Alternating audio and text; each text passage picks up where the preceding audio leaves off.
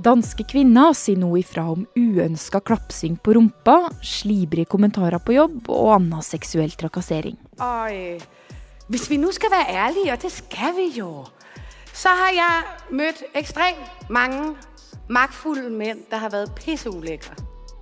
Vekker det noen minner? har signert et opprop hvor de ber fylkeslaget i Trøndelag om å vrake. Det tok tid før metoo kom til Trøndelag. Nei, du må lenger tilbake enn det. Produsenten Harvey Weinstein er nå formelt siktet. 487 skuespillere har i Aftenposten signert et opprop for å stå mot Hvor går egentlig grensa for hva du kan si til eller gjøre med en kollega? Der, ja. 2017. Det er snart tre år siden metoo tok av her i Norge, og særlig i Sverige. Og man tok et slags oppgjør med seksuell trakassering fra maktpersoner. Nå skjer det for alvor også i Danmark. Men hvorfor har det ikke skjedd før? Du hører på Forklart fra Aftenposten, og er Marit Eriksdatter Gjelland. I dag er det onsdag 23. september. Altså, Svenskene blir jo sett på, særlig fra Danmark, som uhyre politisk korrekte. Hilde Sandvik var kultur- og debattredaktør i Bergens Tidende fram til 2016, og har siden da jobba journalistisk med de skandinaviske samfunnene, annet i podkasten Norsken, svensken og dansken. Når vi snakker om metoo igjen, så starter vi med de her tre skandinaviske søsknene. For vi er ganske forskjellige, og det kan være greit å ha med seg når vi skal forstå hvorfor det foregår et stort metoo-oppgjør i Danmark akkurat nå. Viktigst å ha med seg er Sverige. Svenskene har jo den selvforståelsen av at de er best i verden når det kommer til menneskerettigheter, kvinnespørsmål osv. Svenskene er ekstreme, og det så du òg under metoo. Eh, mediene kasta mediekritikken av, altså av bordet, rett og slett, for å navngi menn og, som verken var dømt for det ene eller det andre. Eh, det er et sånn sterkt eh, Twitteriat og sånn Instagram-feminister som gikk fullstendig eh, bananas i historier. Og det ble veldig personorientert. Så er det oss, mellomlandet Norge. Eh, I Norge så ble vi også på en eller annen måte det, men i mye større grad snakke om struktur. Eh, litt sånn kjedelig mellomposisjon. Mens danskene skulle vise at de var helt forskjellige fra svenskene, og er overhodet ikke politisk korrekte. Men nå i starten av september så skjedde noe som rokker litt ved denne danske identiteten. Det er duka for humorgalla på dansk TV 2, og den blonde 31 år gamle programlederen Sofie Linde står på scenen, forteller Aftenposten-journalist Maria Petrem. Hun har pyntet seg i blå kjole og har glitter i håret. Eh, hun er nok ganske spent, vil jeg tro. Sikkert også litt nervøs. Jeg er helt oppriktig så sindssykt glad for å være vært i aften. Jeg, jeg er faktisk jeg er vildt stolt av å være vært. Og ute i salen sitter det hundrevis av festkledde folk som er klar for en kveld hvor de skal kose seg og ha det gøy. Og hun vet nok at det hun straks skal stå på scenen og si, kommer til å få en del reaksjoner og skape en del overskrifter. Og siden den dag så har jeg faktisk vært dårligere betalt enn største delen av mine mannlige kollegaer. Jeg er det også lige nå, kan vi si. Jeg er det også lige nå. Og det er ikke blitt bedre. Her for nylig, der var jeg til Nei, altså hun tar jo et ganske kraftig oppgjør med både lønnsforskjeller mellom menn og kvinner i dansk mediebransje, og seksuell trakassering. Hvis vi nå skal være ærlige, og det skal vi jo, så har jeg møtt ekstremt mange maktfulle menn der har vært pisseulækre. Og det som hun beskriver som en sexistisk sjargong, egentlig. Og så trekker hun også frem et eksempel fra egen, uh, sitt eget arbeidsliv. Fra da hun var 18 år og nyansatt i Danmarks Radio. Jeg kan jo lige fremheve én historie. Hvor en mannlig kollega som fortsatt jobber i Danmarks Radio, skal ha forsøkt å true til seg oralsex. Og så kommer det den her store TV-kanonen opp, tager fat i min arm og siger, hvis du ikke går med ud og sutter min pik, så fucking ødelægger jeg din karriere. Eh, og truet med at hvis hun ikke gikk med på det, så ville han ødelægge hele karrieren hennes. Så ødelægger jeg deg. What? Jeg er ret sikker på at du kikker på meg lige nå. Du vet godt selv hvem du er. Du vet også godt at jeg sa nei. Hva, hva var det så fikk eh, fikk ut til å gjøre det her, da, og, og fikk eh, begeret til å renne over? Det hun har sagt i ettertid i noen intervjuer, er at hun skjønte ganske fort at hun var den andre kvinnelige programlederen i dette showets historie. Og det er visst tradisjon at man holder en litt samfunnsaktuell tale i åpningssalen som programleder. Så hun har sagt at hun tenkte nøye gjennom hva hun hadde lyst til å bruke den taletiden på. Hun har nok eh, brent inne med denne tematikken ganske lenge, denne episoden fra da hun var 18 år. Men også generell, det generelle problemet i dansk mediebransje generelt. Og hun har også sagt i intervjuer i etterkant at hun mener at metoo aldri fikk tatt den ordentlige oppvasken som hun mener den burde, burde ha gjort. Den danske kringkasteren Danmarks Radio har i ettertid kontakta Linde og spurt om hun ville prate med dem om det hun opplevde som 18-åring, noe hun ikke ønska. Mens dansk TV 2, der Linde jobber nå, har avvist anklagene om lønnsforskjeller mellom menn og kvinner. Taren til Linde har likevel mest av alt fått andre til å kaste seg på å fortelle sine historier. Så nå er metoo i gang for fullt i Danmark.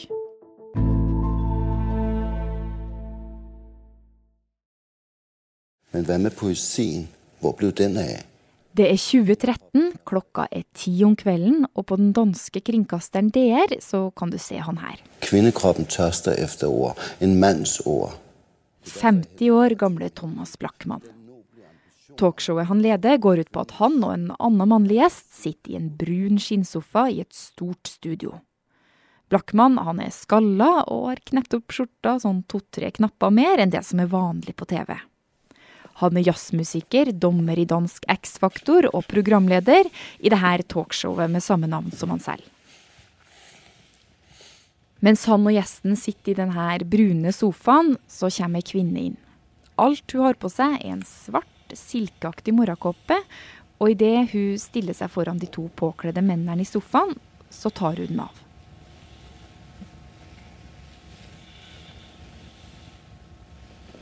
I flere minutter så ser de på kroppen hennes. Og så begynner de å snakke om kjønnsroller og sex. Og utgangspunktet der er at Blackman mente på denne tiden at vi var på vei inn i et pikkløst samfunn. Og hva skjer med menn på vei inn i et pikkløst samfunn? Det ville han undersøke og tok med seg disse mennene inn i studio. Han, han mente òg da at kvinnekroppen tørster etter ord. Eh, fordi at en har da altså vokst opp i spennet mellom eh, for mye porno på den ene sida og politisk korrekt puritanisme på den andre. Og det ville da eh, Blackman gjøre noen ting med. Altså Det er helt, nesten helt utenkelig at det her skulle, skulle, gått på TV i Norge. Hva sier det om Danmark, da? At, det, at dette programmet ble sendt på en kringkaster for bare under ti år siden? En skal være klar over at Danmark som det første landet i verden legaliserte porno i 1969. Eh, samtidig med at det var frigjøring på alle andre fronter, så ble jo pornoen frigitt. Og en, noen mener at for, for Danmark så er pornohistorien vel så viktig kulturhistorie som, eh, som statuene eller som, som annen kulturhistorie. Eh, det ligger en linje av liberal tenkning i det danske som er veldig sterk. Eh, og alle angrep på den liberaliteten blir slått ganske hardt ned på. Og Hilde Sandvik er en av dem som setter denne kulturen i sammenheng med at metoo rett og slett ikke tok av i Danmark i 2017. Mediekartlegginga som ser på dette året, viser at metoo var mye større i Sverige enn i Danmark. I Danmark så var det altså fire ganger færre artikler på trykk om metoo. Og de artiklene som var på trykk, var i hovedsak på kultur- og debattsidene, mens i Sverige som, så havna de på nyhetsplass og, og, og ble store oppslag. Eh, og en så òg en annen forskjell, at i danske medier så var, så var, det mye mer en diskusjon om en var for eller mot metoo. Og metoo ble gjerne, og av flere mannlige skribenter, kalt for en heksejakt. Og det var en legitim posisjon å si at det er for mye diskusjon om metoo nå. Men så samtidig så skal en òg være klar over det, at Danmark er òg et av verdens mest likestilte land. Og en, en scorer veldig godt på alle sånne likestillingsindekser. Samtidig så ligger det en, en annen sjargong og en annen mannssjåvinistisk sjargong og det at denne Blackman kan sitte på TV, som han da gjorde i 2013, og sa at nå er vi på vei over i et pikkløst samfunn, la oss se hva mennene tenker nå, eh, tenker jeg er en veldig dansk måte å svare på. Og humoren er òg, hvis en tenker på sånn, hva er det danskene ler av? Eh, hva, er liksom, hva er humoren? Det handler veldig ofte om sex, altså. Du vet godt selv hvem du er. Du vet også godt at jeg sier nei. Men altså, det gikk jo meget godt alligevel. Gjorde det ikke? Men nå, etter Sofie Linde sin direktesendte tale, så har det altså skjedd ting. Det kan virke som at det er enormt mange kvinner i Danmark som har sittet og både opplevd ting, kjent på ting, men tenkt allikevel dette skal jeg tåle. Og så kommer Sofie Linde ut, og så åpnes det opp for at en faktisk òg i Danmark kan si at nei, dette er langt over grensen. Dette er ikke greit. 1614 kvinner fra mediebransjen i et støttebrev til TV-verden Sofie Linde har skrevet under på, at de, ligesom hun, har oplevet sexisme og grænseoverskridende... Det her skal ikke afsluttes. Det her skal debatteres, og det skal snakkes om, og vi skal også forholde os til, hvorfor er det, det er, det er så svært at tale om sexisme. Og nå blir det signert opprop, og kjente kvinner forteller om seksuell trakassering og kjip kultur.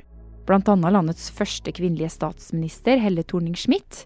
Hun har fortalt at hun varsla om trakasseringssaker, men fikk beskjed om at hun overreagerte.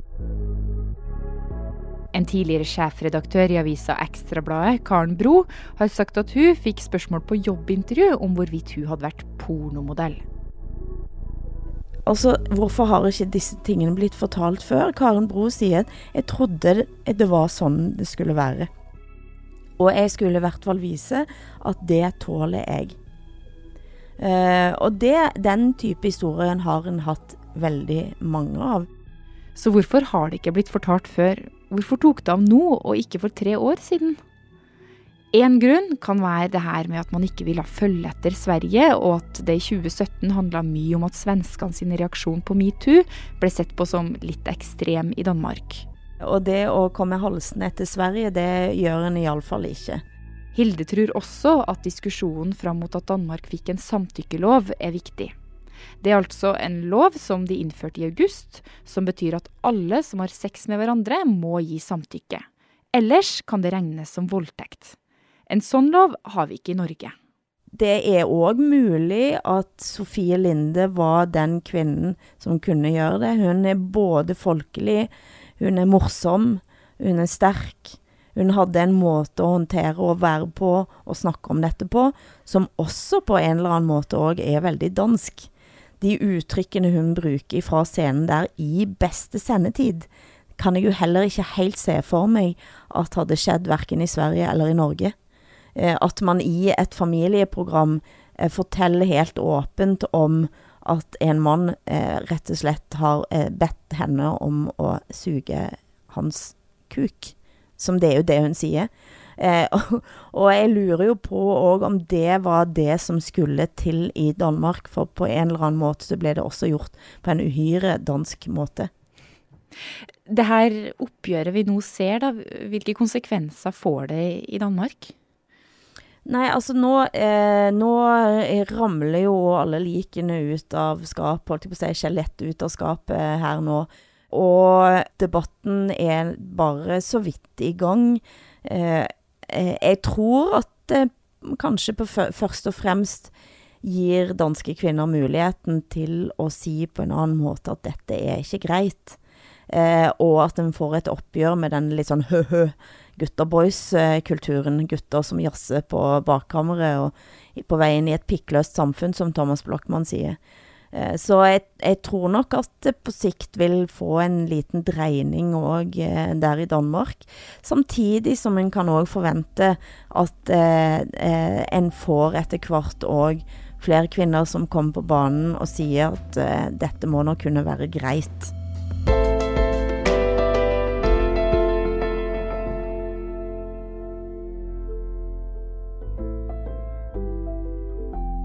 Forklart lages av Caroline Fossland, Fride Næss Nonstad, Anne Lindholm, Andreas Bakkefoss og meg, Marit Eriksdatter Gjelland. I denne episoden har du hørt lyd fra VGTV, NRK, dansk TV 2 og Danmarks Radio.